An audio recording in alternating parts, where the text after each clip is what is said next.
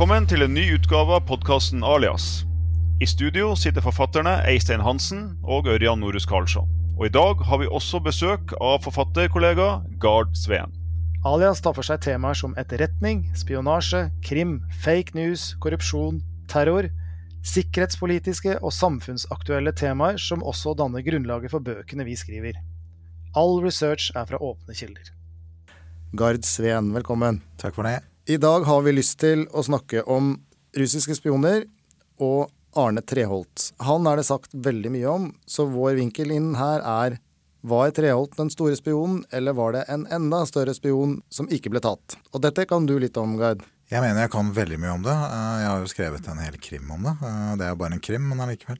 Nei, altså, jeg håper jo for russernes del at Arne Treholt ikke var deres største spion i Vesten, som vel noen skrev en gang. For da er de ille ute, og vi hadde jo ingenting å bekymre oss for i det hele tatt.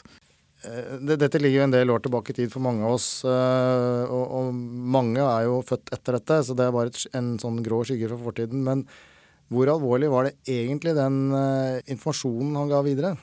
Nei, Spørsmålet er jo hva slags informasjon han faktisk ga videre. Han ble jo til slutt sluppet inn på Forsvarets høgskole.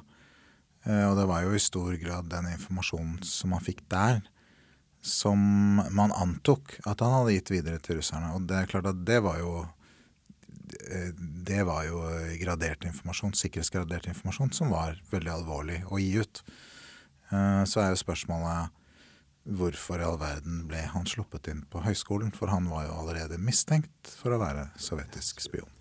Bare sånn kort innom, så apropos hvor alvorlig det var. Nå er sikkert ikke ordlyden min rett, her, men jeg mener å huske at den norske forsvarssjefen, tror jeg det var, sto i, uh, under, uh, under rettssaken og sa at Arne Treholt hadde gjort uopprettelig skade på, på, Norges sikkerhet. Kostet et par uh, års forsvarsbudsjetter, var vel det Bull Hansen sa. Ja, det var kanskje det Bull Hansen sa. Ja. Men han nok, gikk nok i ettertid bort fra det og sa at det var litt, en litt voldsom påstand. Overvurdert, altså? Jeg nok, eh, ble nok kanskje litt fanget av tidsånden under, den, under den kalde krigen. Jeg husker jo for oss som er gamle nok til å huske den dagen da Treholt ble arrestert. Det var vel kanskje 20.1.1984. Jeg kan fortsatt huske akkurat hvor kaldt det var, akkurat hvor mye snø det var. og hvor radioen sto på kjøkkenet da nyhetsoppleseren sa at byråsjef Arne Treholt ble i dag arrestert på Fornebu, siktet for spionasje. Til fordel for Sovjetunionen. Det var vanvittig skremmende. Og før det så var jo den, den siste store spionen for Treholt sånn, fra, fra, norsk hold, det var jo Galtung Håvik, da, uh, som døde i Drammen kretsfengsel. Ja, det stemmer det. Men igjen, var, det var jeg for ung til å huske. Så det var på en måte Treholt som var den store, den store greia. Ja, og, og, og, så vidt jeg kan huske, jeg var jo i alle fall for ung til å huske det. og det er jo hun, hun ble vel heller ikke fremstilt som den spionen som Treholt ble under rettssaken, i hvert fall. Nei, nei overhodet ikke. Hun var sekretær i UD. Og Treholt var jo tross alt uh, Han hadde jo jobbet tett med, med, med Jens Evensen i mange år, om disse gråsoneavtalene på 70-tallet. Uh, han var jo byråsjef. Han var vel kanskje også presse presse- og kommunikasjonssjef idet han ble pågrepet. Fungerte som det, hvis jeg ikke husker totalt feil. Så det er klart at han hadde jo, han hadde jo en posisjon. Men han hadde jo aldri tilgang til den type informasjon som russerne ønsker seg aller mest. Altså om, om Nato, om Forsvaret, om Etterretningstjenesten, om alle mulige funksjonsmåter. Han måtte jo unnskylde seg overfor han, hva het han ene føringsoffiseren, han hadde Shishin. At han hadde ikke eh, gradert informasjon, så han måtte vel altså, gi dem klippmappa fra UD. Som er altså presseklippene i UD.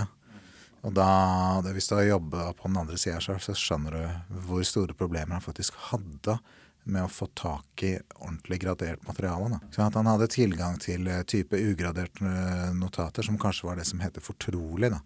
Eh, men aldri, veldig sjelden så hadde han tilgang til informasjon som er omfattet av sikkerhetsloven. Og det er først og fremst det russerne er ute etter.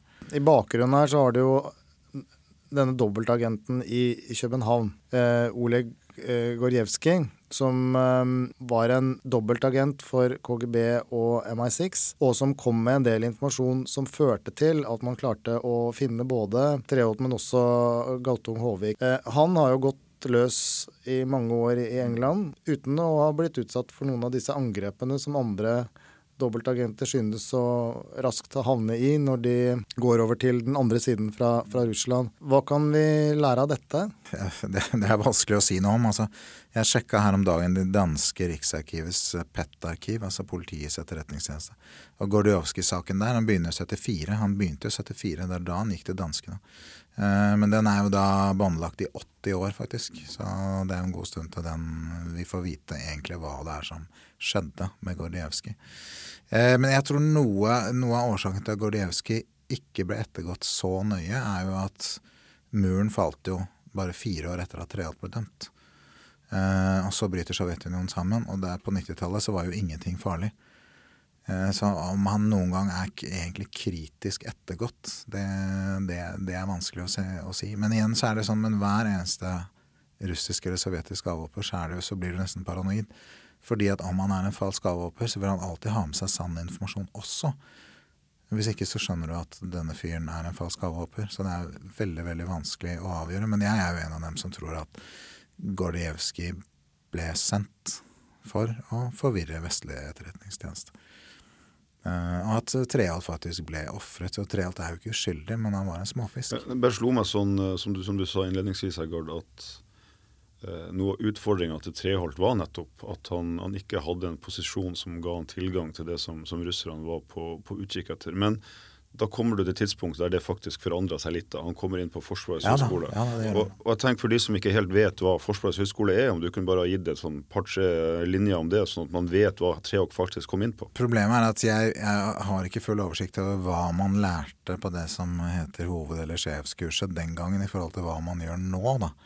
Uh, men det er jo Hva skal vi si? Det er jo generelt forsvars- og sikkerhetspolitisk kurs for norske, kall det samfunnstopper.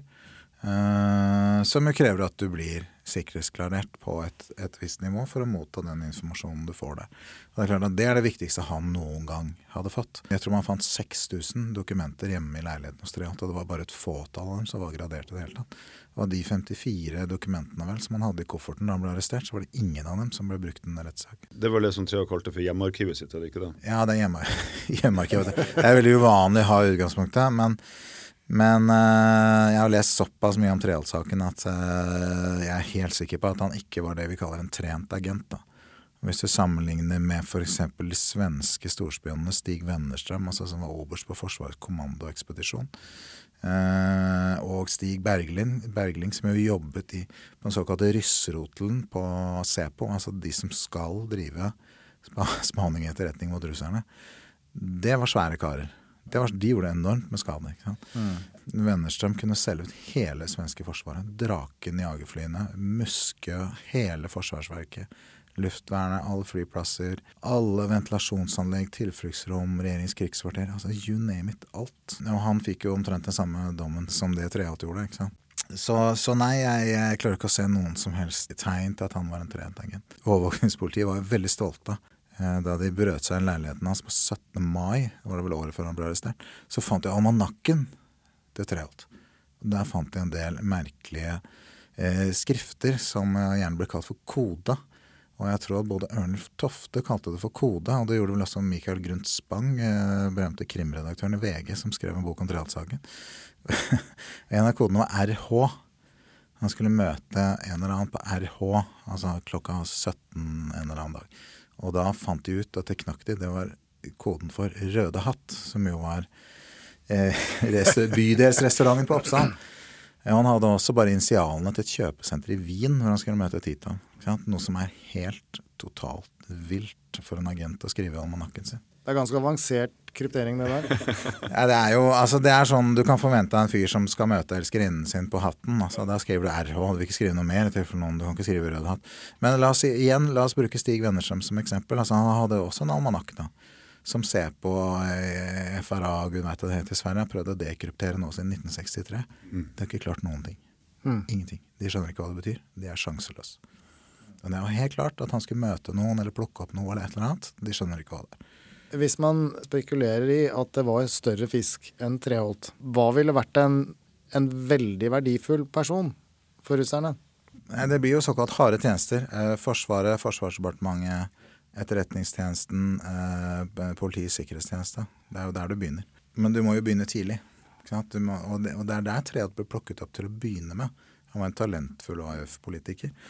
Også med studentpolitiker på Blindern osv., så vidt jeg husker. Han var jo med i bevegelsen mot juntaen i Hellas. De kan du plukke opp. ikke sant? Og I litt, en litt annen historielinje så kunne han blitt norsk utenriksminister. Det kunne ha skjedd, så han var jo et godt, godt valg. Han var absolutt et talent.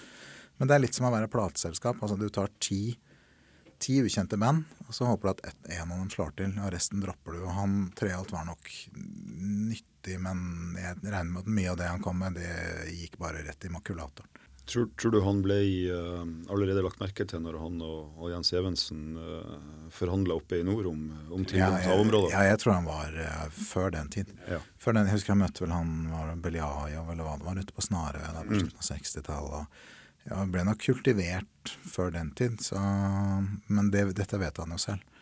han avga jo en forklaring med en gang han var arrestert, som han senere trakk tilbake, da, mm. hvor han da var i Moskva. Og ble kompromittert, som det heter. Men det, det trakk han jo da tilbake. da. Jeg tenker på, eh, som du sier, de, de harde tjenestene. altså Skulle man, skulle man trukket frem en sånn drømmepost hvis det ikke skulle vært en politiker? Jeg tenker Hvis du kunne fått eh, ekspedisjonssjefen i FT2, ja, ja. så hadde du, eh, da hadde du scora stort. Ja. Sikkerhetspolitisk avdeling. Det trenger ikke være noe toppfyr. Det er gjerne nivået under, eller nivået under der igjen. Ja, En god seniorrådgiver f.eks. Ja, ja, I, i samme avdeling hadde vært helt, helt, topp, tror jeg, som en, som agent. Men kan det tenkes at Treholt aldri ble ferdig kultivert? At det var starten på noe som kunne blitt eh, noe helt annet? Jeg, jeg, ja, det, det, kunne det vært, men ikke, ikke da det kom så langt. Jeg tror hele tiden Triant ble bygd opp for å skjule noe annet som russerne hadde på gang. Uh, du ser måten Tito møter ham på på en restaurant. Jeg tror de møttes 59 ganger i offentlighet. Uh, noe som han Ben McIntyre, som har skrevet denne boka som kom ut nå, Gordievskij, bruker som et argument for at Treholt var en spion. I min verden så er det et bevis på at han ikke var en toppspion. For det ville du aldri gjort med en toppspion. Han ville veldig, veldig sjelden ha møtt føringsoffiseren sin. Bare brukt døde postkasser. fotografert dokumentene, halvt eksponert, gjemt dem et eller annet sted. Så kommer det en kurer og henter dem. Ville aldri tatt med seg dokumentene i en koffert og reist til Wien, f.eks. Altså både i Wien, og de satt jo også og spiste i all offentlighet ja, ja. ute i Finland òg, ikke sant? Altså, ja. når de møttes der. Det de gjorde riktig, var at de møtte han i såkalt myke land. ikke sant? Det er sånn Irland, Østerrike, Finland. Det er sånn kjent som myke land, som, eh, hvor du kunne møte agentene. De verste landene det var typ Nederland, Storbritannia, USA, den type ting. Der måtte du, ikke, der måtte du være veldig forsiktig. Så det gjorde de riktig. Da? Så de, på overflaten så så det ut som ok, de møter han i myke land. ikke sant? Han må være en toppspion. Men så er det at de går og valser på gata. Mm. De går og valser på, på, gata, disse to russerne. Dette berømte bildet fra Wien. De går og valser på gata i full offentlighet. De forlater lokalet samtidig altså tar på et bilder av det, og så tror man på at her er det en storspion. Det ville aldri Stig Wennerstrøm han ville aldri gått med føringsoffiseren sin eh, Nikolai Nikitachev på gata i Wien. Altså, det er jo total galskap. Så sitter Pott i en kassebil med antenne nederst i veien, og så tror man at her har vi storfyren. Det syns jeg, jeg synes det er veldig rart. Men har det aldri vært noen grad av uh, selvransakelse av denne prosessen i ettertid? Liten grad av selvransakelse i det offentlige i det hele tatt. Altså Hvis du vet at du har gjort en stor feil, så er jobben din er å prøve å dekke over den feilen i din levetid. Ja, naturligvis. Ja, det, men, men, den store feilen Treholt har gjort, da, og han, alle hans venner, er å påstå at han er uskyldig. Og det er han ikke. Beste forsvaret han har hatt, det var Arne Haugestad, som sa at Treholt skal dømmes etter tjenestemannsloven for det han har gjort. Det er selvfølgelig ulovlig. Men han har aldri vært noen storspion. Helt riktig inngang, men han vil frikjennes for alt. ikke sant? Mm. Og det er nok det han er blitt fortalt, at hvis du blir tatt, så det sa Wennerstrøm, og jeg vil bare bidra til avspenning og fred og forsoning, og det er samme sa Treholt. ikke sant? Det er den storyen de blir fortalt av russerne. Blir du tatt, aldri innrøm noe som helst, fred og forsoning. Hvordan er det egentlig man rekrutterer en agent? Nei, Det er jo eh, det er selvfølgelig en veldig veldig vanskelig business, eh, og det vet jo russerne også, eller, og kineserne som holder på på samme måten nå. Det de gjør, er vel at de, de spotter såkalt talenter, da. Som har eh, stillinger som er interessante, eller som de tror kan komme til å få stillinger som er interessante. Og jo tidligere det begynner, altså jo yngre du er i alder, jo mer påvirkelig er du. Uh, og russerne har jo vært ekstremt gode til å holde kontakt med f.eks. ungdomspolitikere. Uh, spesielt på venstresiden. Da. Men det er klart du er nødt til å ha noen på høyresiden òg. Det, jo, det, gjøres en veldig grundig analysejobb. og De har sikkert lange lister av folk som jobber i alle mulige departementer og direktorater f.eks. Og I dag er det ekstremt lett å finne den informasjonen. Det er sånn de brukte veldig mye tid på før. Å bare finne en ansattliste i Forsvarsdepartementet eller øh, kanskje bare Helsedirektoratet. Eller kritiske samfunnsfunksjoner. Og så kan de jobbe seg inn derfra. Men det er klart at jo hardere tjeneste det er ute etter, jo vanskeligere er det å rekruttere. For de som jobber der, de vet jo at de er et mål. Men en middels etat eller direktorat eller departement i Norge, så ligger jo som du sier, ansattlistene ute. Du kan jo finne navn, e-post, eh, telefonnummer, mobilnummer. Og da har, jo, du inngang til sosiale medier og sånn. Det å lage kartlegge folk nå, det er jo ganske enkelt. Det, det er veldig enkelt. Men så er det, det er en arv her, da. Altså Det er som John Le Carré skriver, det er spionenes arv. Russerne begynte med dette her på 20-30-tallet allerede.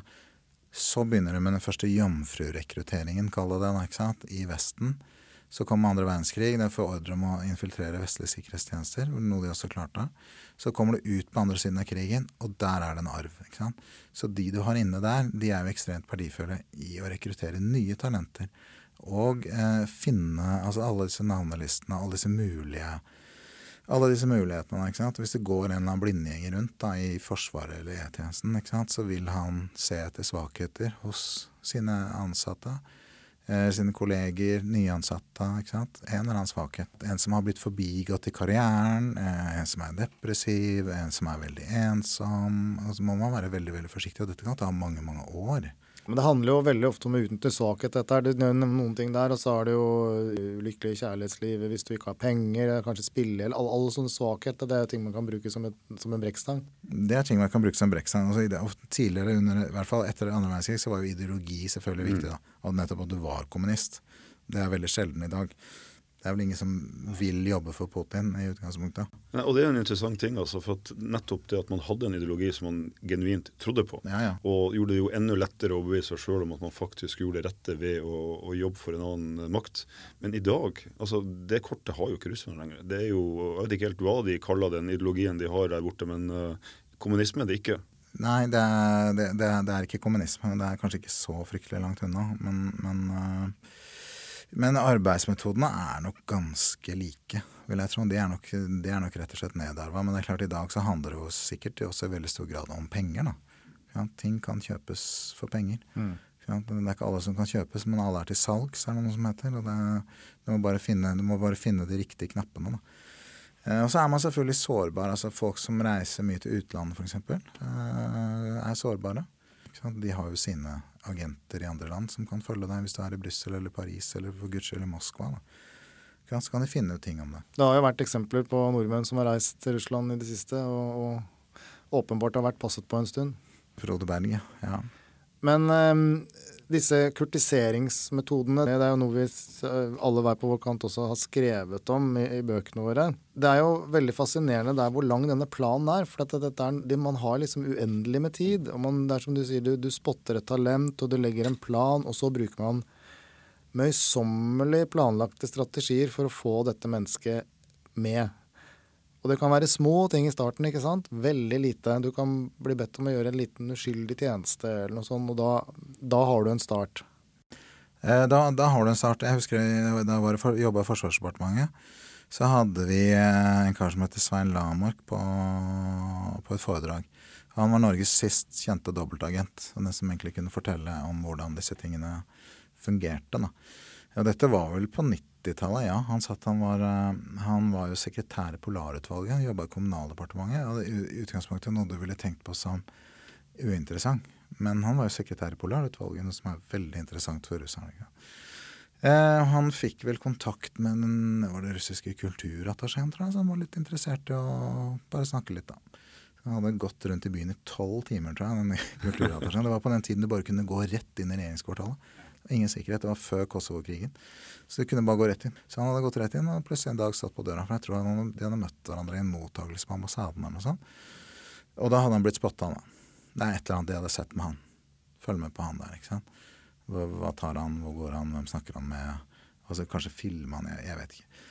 Ja, så hadde de da utviklet en kollegial kontakt, da. ikke sant? Og så hadde han fått en stortingsmelding, eller det var et eller annet litt sånn. Og som han sa, da plutselig, da plutselig han skjønte at uh, de var på båttur på hytta hans. eller noe. og så skjønte han at herregud, hva er det som foregår nå? Hva er det som foregår nå? Og så han gått til PST og sagt at Jeg har blitt kurtisert av en russer. og Jeg tror han har bedt om reise, eller om han ville komme til Moskva, eller et eller annet sånt. Og så hadde de sagt er du villig til å jobbe for oss. Og så hadde han sagt ja. Mm. Og der husker jeg ikke hvem i Kommunaldepartementet som var orientert om at han da var dobbeltagent. Det bare var departementsråden og kanskje ekspedisjonssjefen hans, og det var de to. Det var PST som kjente dette. Og som han sa, dette er veldig spennende, men det er livsfarlig. Men han, ble, han, dro til, han, dro til, Moskva som rekruttert dobbeltagent mm. for å liksom møte sin føringsoffiser. Og det, jeg kunne fint ikke ha kommet hjem derfra, som han sa. Mm. mm. Jeg tenker sånn uh, altså man, man, hadde da ideologien, og man jobba, som Eistein var inne på i sted, veldig uh, målretta for å uh, få tak i de talentene. Og så faller jo muren, og så går uh, Sovjetunionen i oppløsning. Hva, hva, tror du skjedde med, med, det nettverket de hadde? For det nettverket de hadde i Norge må jo ha vært ganske så bra? Det var nok ganske så bra. Jeg tror at ble, de forsøkte å reaktivere det. Eh, og det kan du vel se på hvordan KGB eller SRV og FSB oppførte seg fra 90-tallet utover. Det som skjedde, det lille vi vet, det skjedde jo fordi at det var visse sentrale KGB-offiserer som inngikk en avtale med det jeg tror var Random House, altså det amerikanske forlaget den gangen, om at visse utvalgte forskere, altså amerikanske historikere, og eh, russiske da, oversettere, samarbeidspartnere, skulle få tilgang til visse deler av KGBs arkiv mot at de betalte en stor sum penger til pensjonsfondet for pensjonerte agenter. Og dette varte vel fra 92-93 til 96. Og da var det helt slutt. Da var det en tidligere KGB-offiser og journalist som het Aleksandr Vasiljev, som følte seg truet på livet da han satt nede i, nede i kjelleren der og skrev av for hånd, for han kunne ikke fotografere, fikk ikke lov til. At måtte skrive seg for hånd. Han, bare, han dro fra Russland i 96, tror jeg. For det var flere da i tidligere KGB som så på dette som alvorlig landssvik. Og det er et eller annet som skjer der på slutten. Altså da Jeltsin blir dysfunksjonell, så er det et eller annet som, som, som skjer. Men jeg regner jo med at de da prøvde å samle dette nettverket igjen. Hva kan vi anta at de har av ressurser i Norge i dag? Jeg leste noe på en svensk forening som heter Sveriges Øga og Øra, tror jeg vel det heter. Som er en sånn sikkerhetsforening. Eh, og der regner de med at er det 30 av alle de russiske eh, diplomatene, offisielle russiske representanter, da, at de er etterretningsoffiserer sånn minimumsanslag, eh, og det er bare én grunn til at jeg er her. Det er jo for å føre agenter som, som er i deres tjeneste, og å rekruttere nye. Hvis ikke så kunne de bare vært hjemme. Det er ikke noen grunn til at jeg er her ellers. Og så kan du bare gjøre et anslag av hvor mange fører hver. To, tre, fire, fem. Så har du antall agenter. da. Fem er jo en del å holde orden på. Ja, det er det. Kanskje ikke så mye. da. Kanskje ikke så mye, kanskje mindre. Det er fortsatt en del, da. Det er jo bare å begynne å gå gjennom siden og så se. Så kan du bare telle opp. Det er ren matte. Med den teknologien som nå er tilgjengelig, så er kanskje behovet for menneskelige agenter mindre enn det var på treholdstid? tid? Men er, la oss si det er fortsatt veldig mye som bare finnes på papir. Altså, det er svært engere krets av tilgang til elektronisk.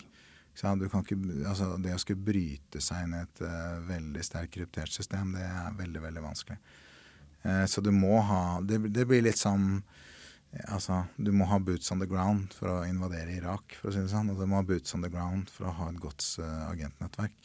Eh, og selvfølgelig så, så, kan man gjøre mye mer elektronisk. Men, men igjen, du har jo han, det var en kinesisk eh, altså Dette var en uh, industrispionasje som jobba i Apple.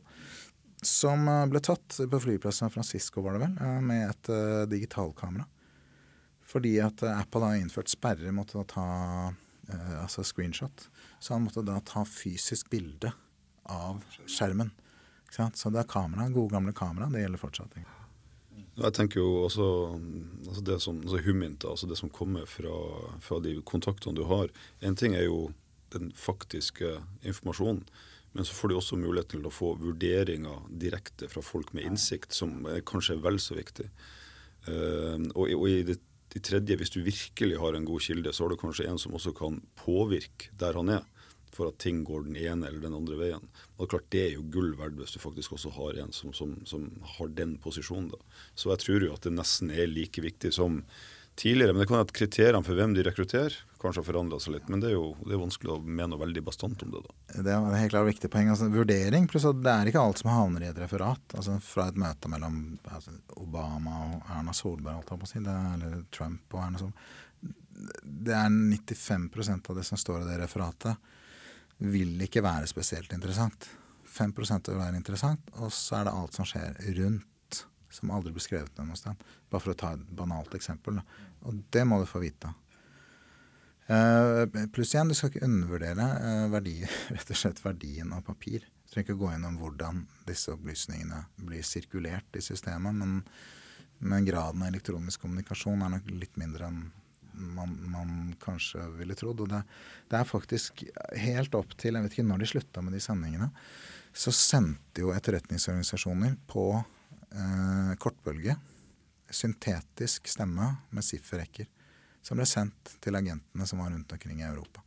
Blant annet fra en sender på Kypros som leste da tallene five, one. Så sitter da folk rundt klokka ti f.eks. på kvelden på denne bølgelengden og skriver den. Så finner de kodeboka, så skriver de ut meldingen. Det er en beskjed til agenten som fortsatt gikk som den gjorde på 30-tallet. Vi kunne jo laga en hel episode om Kypros for den saks skyld, men det er jo en, er jo en helt annen sak. Ja. Så det er nok en god del gamle metoder som fortsatt er i spill. Altså. Men jeg leste jo noe om den derre Nato-krypteringsstandarden krypteringsstandarden øh, som egentlig var sveitsisk og svensk utviklet, men som amerikanerne kjøpte, og hvor de laget seg en bakdør, så de hadde jo full tilgang til alt som ble eh, sendt både internt i Nato, men også andre land da, som var regnet som vennligsinnede. De fikk lov å bruke denne teknologien, og så kunne de sitte og lese alt. Ja, det er jo ikke spesielt overraskende. Men uh, i våre mobiler nå ligger i et annet rom, så kanskje de ikke klarer å høre på. Nei, altså det er jo uh, det, det, gjør jo amerikanerne. Og de har visstnok montert bakdør i bakdøra til kineserne også, f.eks. på ulike Huawei-produkter servere, rutere, mobil, mobiler osv. Så, videre. så det, det, pågår en voldsom, en voldsom krigføring der. Bakdør i bakdør, det blir sånn babusjka-sak? Ja, men de hadde, de hadde visst gjort det. Uh, kineserne hadde jo klart å bryte seg inn i uh, serverne til uh, det som heter Office of Personnel Administration og stjålet 5,6 millioner fingeravtrykk og identiteter, visstnok. Blant annet også til agenter. Det er en enorm skandale. Ikke har stått noe om i norske aviser. Og det Michael Hayden, tidligere en NSA-sjef, sa at det kunne bare skje pga. raw incompetence. eh, og det, det, er harde ord, men eh, hvis det kan skje i USA, så kan det selvfølgelig skje i Norge også. Ja. Det er jo ikke noe den andre parten annonserer, at se, dette har vi klart. Det er viktig. Finner du et hull, så bør helst ikke fortelle noe om det. Vi runder av podkasten med tips om eh, bøker, TV-serier som passer det temaet vi snakket om. Um, her kan vi jo anbefale din bok, da. Bjørn. Fantastisk. ja. Men uh, har vi noen andre tips her? Min favoritt-sagprosabok har vel egentlig ikke noe med kalde krigen å gjøre, men, uh, men, den har mer med Taliban og 9-11 å gjøre. Uh, den heter Ghost Wars. Den vil jeg sterkt anbefale. Når det gjelder spion- og agentvirksomhet, så er jeg mest glad i én roman, og det er selvfølgelig Tinker Taylor Soldier Spy, som jeg har lest så ekstremt mange ganger. Uh, at jeg ikke, ikke, har tallet på det, på det engang. John Le Carré er jo the go to guy uh, for sånne som oss. Og det, han har jo skrevet mange fantastiske spionthrillere. Uh, det regnes vel kanskje for å være den beste, det, men det er helt umulig å snakke om dette her uten å, å tenke på han. Og tenkte å følge opp det, da, så, så fikk han jo veldig god kritikk for den siste boka si. Jeg tror den heter mm. 'Agent Running in the Field'. Mm som, uh, som, så vidt jeg kan forstå når jeg ikke har lest den sjøl, men sånn, hvis man liker John Le Carré, så tror jeg den virkelig er, er verdt å få med seg. Der har han jo til og med inkludert litt brexit. Definitivt. Hvis vi skal nevne én sakprosabok, da, så les gjerne Michael Grundt Spangs bok 'Treholtsaken', som mm. jeg husker. Den er fra 1986. Veldig god saklig oppsummering av uh, bevisene, saken, alt mulig rart. Uh, så kan man lese den kritisk og egentlig gjøre seg opp en mening mer eller mindre om hva man mener om Treholt der. Og så ligger vel altså dommen nå i sin helhet på nett, så vidt jeg husker. Og det, det er en god lesning for oss som er interessert i dette. Og så vil jeg jo si at uh, det, er, det er, faktisk interessant å lese uh, alene og gråsoner også, som Treholt sjøl skrev. Ja. For det mellom linjene, og det er jo garantert ikke noe som han sjøl har villet eller vært klar over, så, så kommer det jo et riss av en fyr og en personlighet som kan være interessant å, å, å, å ta med seg. Så det, det er spennende, det òg. Tusen takk for at du tok deg tid til å være med på vår eh, podkast. Takk skal dere ha.